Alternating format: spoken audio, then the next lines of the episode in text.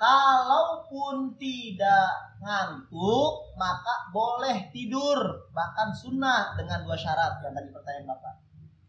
Satu, besoknya atau nanti ada kegiatan yang membutuhin tenaga atau stamina otak tidur. Itu mah jangankan 8 jam, 10 jam juga boleh tidur. Kalau misalkan ada kegiatan yang penting, sekalipun dia nggak ngantuk sebenarnya, tidur tidurin aja. Kenapa? Karena kalau dia nggak tidur, akan pusing di kepalanya saya saya banget. Tidurnya memang 8 jam kurang saya. Tapi tidurnya empat kali.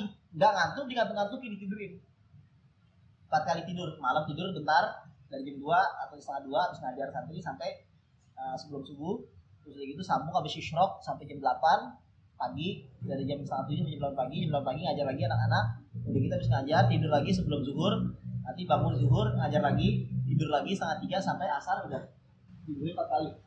Tapi setengah jam setengah jam satu jam jadi dicoba-coba cuma 6 jam doang. Tata, Ustaz bilang gak ngantuk, iya saya gak ngantuk. Kok tidur? Kan ada kegiatan besar butuhin. Jadi tidurnya pun sunnah. Yang kedua, boleh tidur tanpa ngantuk. Kalau apa yang kedua? Kalau dia melek malah maksiat. Ustaz malam minggu sekarang. Terus kalau anak nggak tidur jam 9 malam Anak pasti diajakin temen anak nongkrong. Ayo tidur, tidur, tidur, tidur, tidur, tidur.